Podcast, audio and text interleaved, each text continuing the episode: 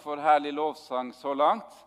Flott å se så mange som er her i salen i dag. Eh, veldig oppmuntrende flott. Vi var jo litt spent. Eh, det har jo vært korona, man blir litt vant til nye ting. Og vi har de her flotte streamingmøtene. Så det er veldig mange som ser på, både live og i ettertid. Så takk til deg som ser på det her, og håper du kjenner deg varmt velkommen inn i det her evangeliet som vi ønsker å formidle, at Jesus han er der for deg. Jesus elsker deg, Jesus ønsker et fellesskap med deg. Det er mulig å få oppleve denne fellesskapet med Gud i himmelen, og det svaret er Jesus. Vi har et tema og et budskap i dag som er 'Velkommen hjem'. Så Vi hadde en sånn flott samtale her med Liv Grønli og Tom Jensen. Og Vi syns det er veldig stas med begge to. Liv har vært her i mange år med hun og Leif. Og virkelig gode besteforeldre, åndelige besteforeldre. Forbilder og celleledere. Har en Connect-gruppe.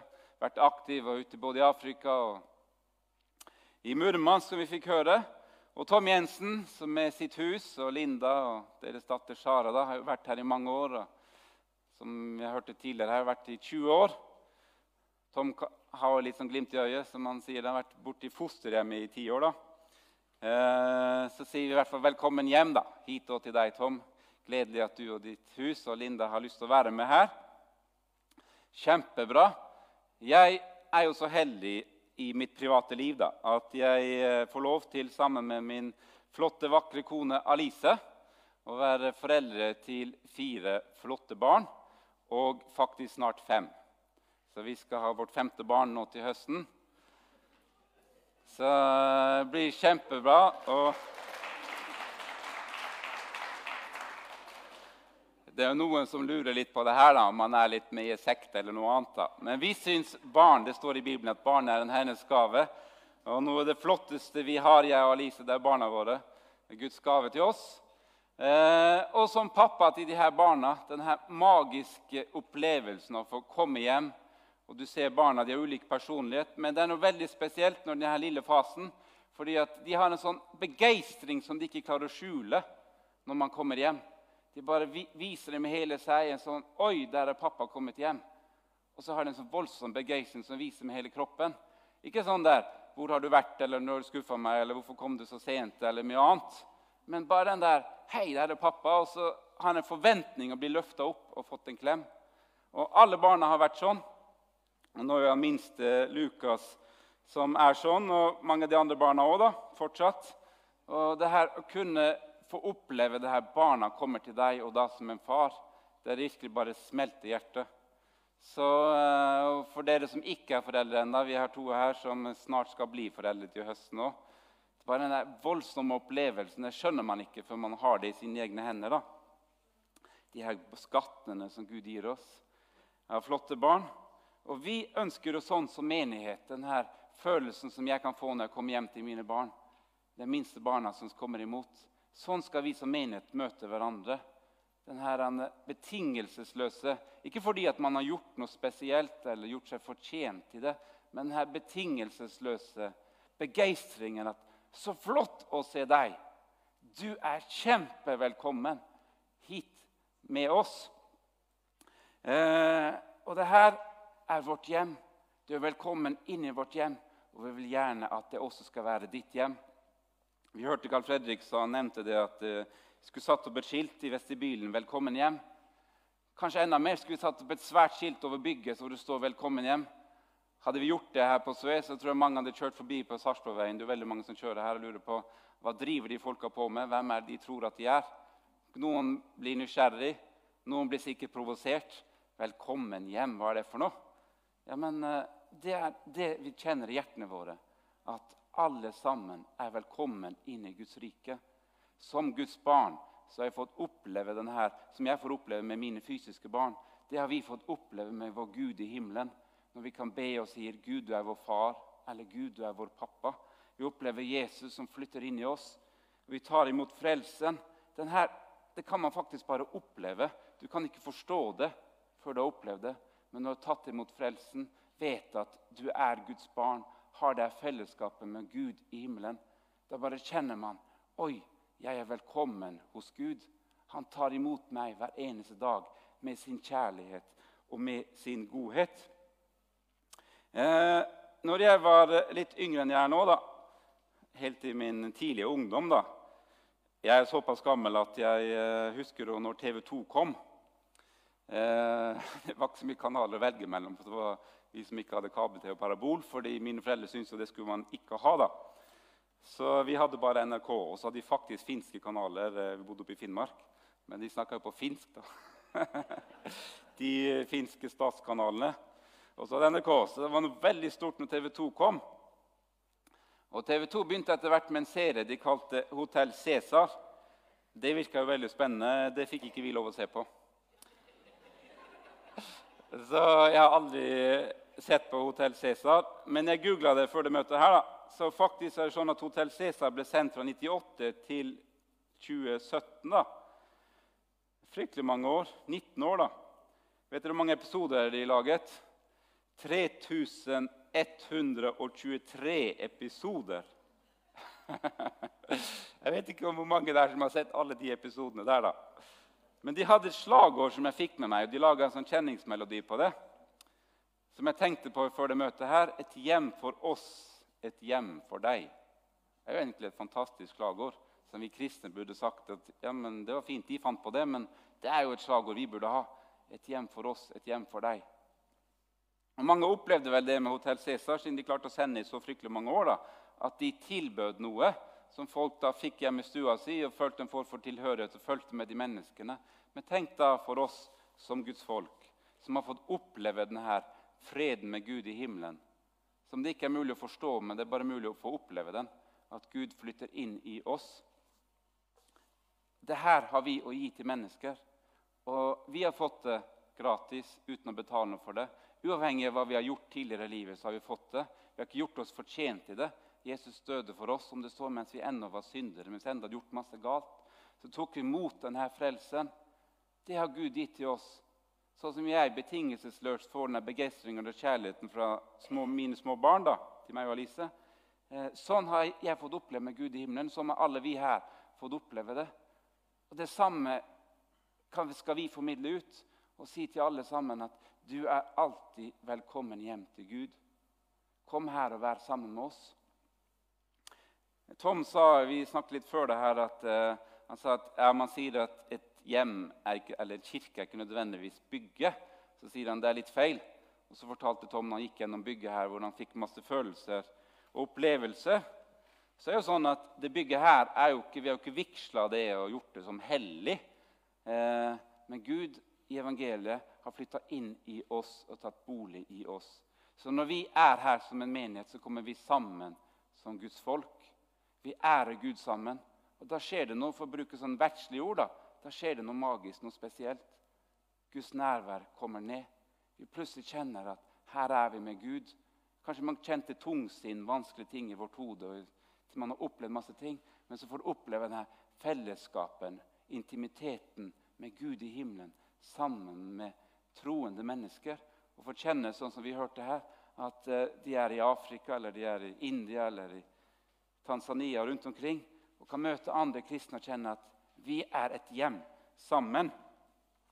Jeg skal se litt på eh, et historie i, som Jesus forteller i Lukas 15. Og eh, vi skal se litt på faren til den fortapte sønn. Jeg snakka med Alice, kona mi, litt om prekenen i går kveld. og så sa hun Egil Svartdal hadde en preken om tre, tre forskjellige prekener. Om faren til den fortapte sønn, den fortapte sønn og så broren. Men eh, jeg har ikke helt, Det var sikkert herlige prekener, så jeg kanskje senere få tak i de prekenene til Egil Svartdal. Men eh, nå skal vi se litt på faren til den fortapte sønn. Denne historien er jo i alle barnebibler, og mange har sikkert hørt den historien veldig mange ganger. Her er det i hvert fall en far som har to sønner, så skjer det det at den yngste sønnen kommer til sin far og sier at han vil ha det som er sitt, det som han skal ha av pappaen sin. Så han egentlig har forskudd på arven og får arven sin nå. Han vil ikke vente. Så gjør faren en ting som jeg tror ikke jeg ville ha gjort det, men faren gjorde nå det. da. Han eh, delte ut den arven til sin sønn og ga det til hans sønn.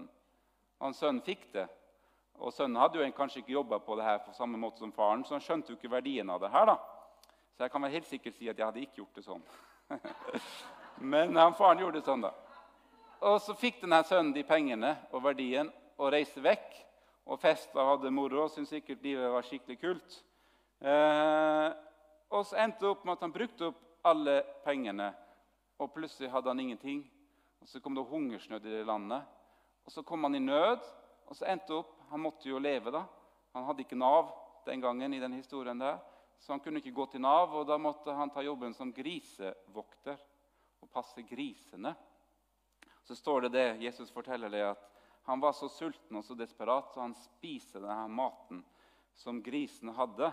Og Da kan man jo se for seg hvordan denne fyren så ut da, med fluer, og det lukta av han. og jeg tror alle vi hadde gått fryktelig langt om, rundt, altså bort fra ham, hadde han kommet oss i møte. Og så står det en fint ord for at han kom til seg selv. Så han var der i den nøden og elendigheten. og Kom til seg selv og tenkte det at ja, men i min fars hus der har jo tjenerne masse mat. Han visste hvor snill og god far han hadde. Han visste sikkert at tjenerne de bodde godt. De hadde verdig godt liv. Tenkte, her er jo mye bedre enn jeg, jeg som er ute på markedet med grisene og spiser grisemat.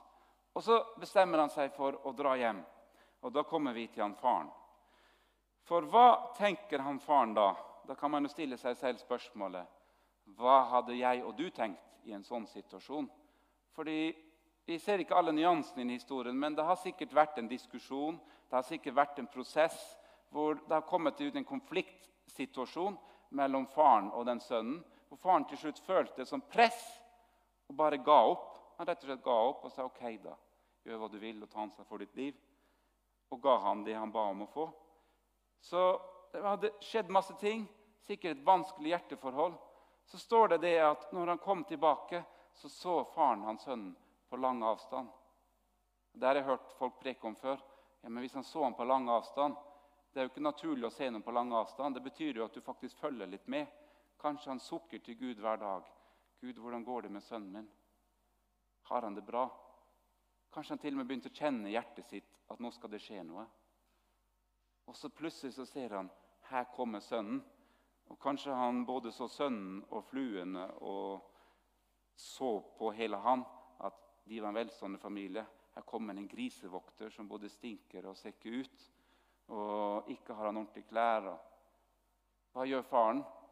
Han sier ikke til tjenerne sine 'gå og desinfiser den sønnen min', eller be han forsvinne og gå vekk. Han ba om å få leve sitt eget liv. Faren selv springer han i møte. skal vi lese litt, litt vers her, et utdrag fra Lukas 15 og utover. Så står det her Men da han ennå var langt borte, så hans far ham, og han fikk inderlig medynk med ham. Han løp ham i møte, falt ham om halsen og kysset ham igjen og igjen. Og denne sønnen som ikke visste hvordan han skulle bli tatt imot, og som hadde sikkert ekstremt dårlig samvittighet inni seg, følte seg fordømt, forkastet, følte seg ikke verdig, luktet og fæl, så kommer han der snille faren og kaster seg rundt ham og kysser ham. Ville du og jeg gjort det? Og For å stille et vanskelig spørsmål så tenker vi at ja, vi ville gjort det til vår egen sønn, kanskje. Men vi er jo Vi snakker litt sånn bibelspråk noen ganger. Vi er jo åndelige mødre og fedre. Så til mennesker som kommer inn døra her, hvordan møter vi de? De har litt ulik bakgrunn. Kanskje de som det her føler at vi føler de har svikta oss. Eller så vet vi av media eller noe annet, eller omdømme eller rykte at nei, de der personen må holde langt unna. Og så har vi ikke lyst til å ta i de engang. Og i hvert fall ikke ønske de varmt velkommen som du ønsker noen varmt velkommen til ditt hjem. Og Jeg tror det at hvis vi som Guds folk kan ta tak i dette eksempelet med han faren, møte alle mennesker som kommer inn døra her på den måten her, uavhengig av hva de har gjort, uavhengig av hvor fordømt de føler seg, uavhengig av hvordan de lukter eller har et dårlig rykte eller har svikta oss, så kan vi møte dem med denne voldsomme gleden og uh, begeistringen. Jeg gjorde en annen ting. Jeg googla ordet 'velkommen' og 'hjem' da, på en internettordbok som heter Victionary. Og ordet 'velkommen' der sto det at som hvis en ankomst er en glede og fører til glede. Så Hvis alle som kommer inn her, føler at vår reaksjon er at det er en glede for oss at de kommer Det fører til glede at de er her. Sånn skal vi møte dem. Og ordet 'hjem' står det det at sted der en bor Ja, det skjønner vi alle sammen. Hjemmested der en bor.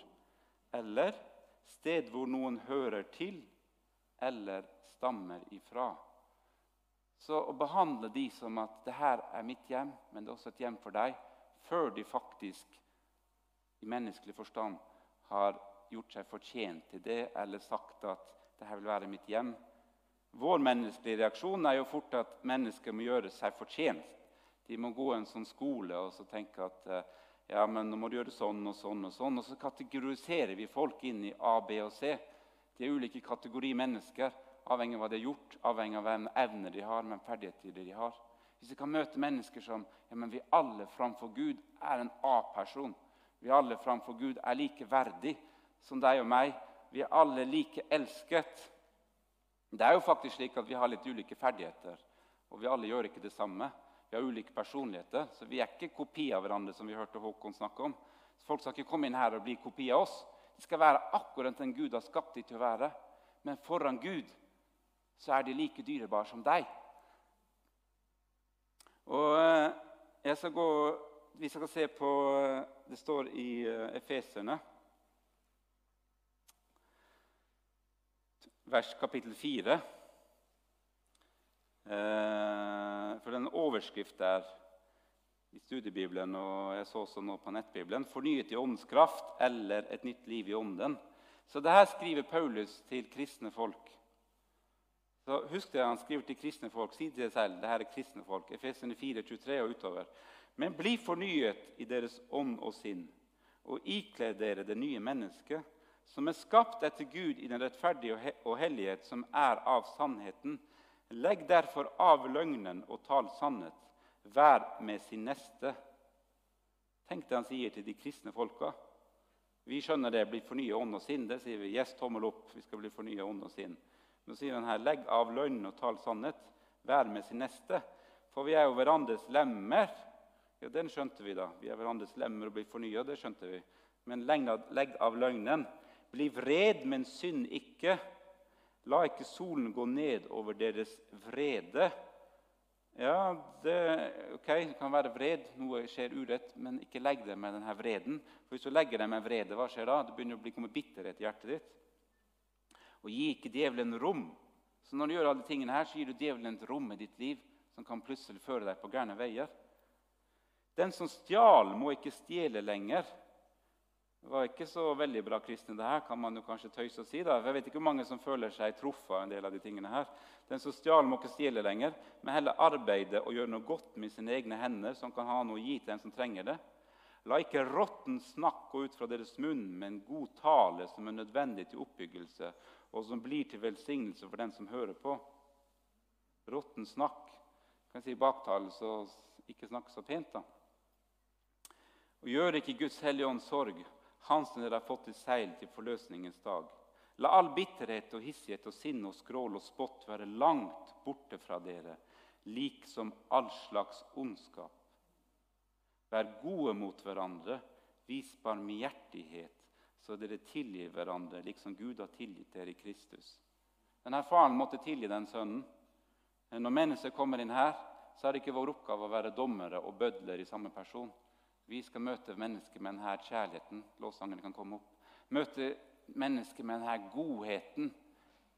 Vi driver ikke, Sveakirker er ikke en rettssaksarena hvor vi setter oss inn i Guds sted og skal drive rettssak med mennesker på hva de har gjort for å dømme de nord og ned. Sveakirken er et sted som skal ta seg av mennesker, løfte de opp, hjelpe de til å leve sitt liv, styrke de i sin vandring i livet og vise de veien til himmelen. Vi kan oppmuntre hverandre, forkynne evangeliet, forkynne veien til himmelen, som er Jesus Kristus. Så med dette så ønsker vi å si til alle som ser på det her, alle som er her, vi ønsker at Sveakirken virkelig skal være et hjem for deg. Like mye som det er et hjem for meg selv, det skal være et hjem for deg. Jeg ønsker virkelig at du skal kjenne denne varme velkomsten. Og Har du ikke tatt imot Jesus enda, kanskje du ikke kjenner Gud, kanskje du ikke helt forstår hva vi prater om, kanskje du ser på det her på Facebook, live eller senere, så er det slik at det her kan ikke forstås, som jeg sa, men du kan oppleve det. Når vi ikke har denne freden med Gud, så er det alltid noe som mangler i vårt hjerte.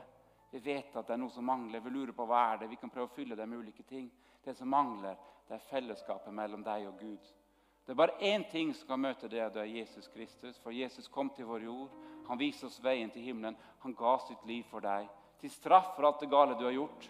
Om du ikke forstår det med ditt hjerte, så kan du opp, nei, med ditt sinn, så kan du oppleve ditt hjerte og si, 'Jesus, kom inn i mitt liv. Flytt inn i mitt hjerte. Jeg tar imot deg.' Tilgi meg for alt det gale jeg har gjort. Og Hvis du ber en sånn her bønn med dine egne ord og mener det i ditt hjerte, da blir du en frelst der og da.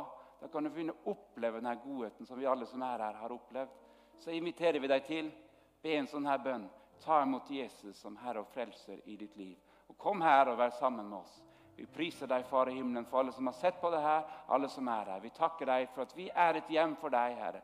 Vi har gudstjeneste sammen. Men også på det menneskelige plan så ønsker vi å se hverandre, bry oss om hverandre, Herre. Takker deg for at du fyller oss med din kjærlighet, Herre.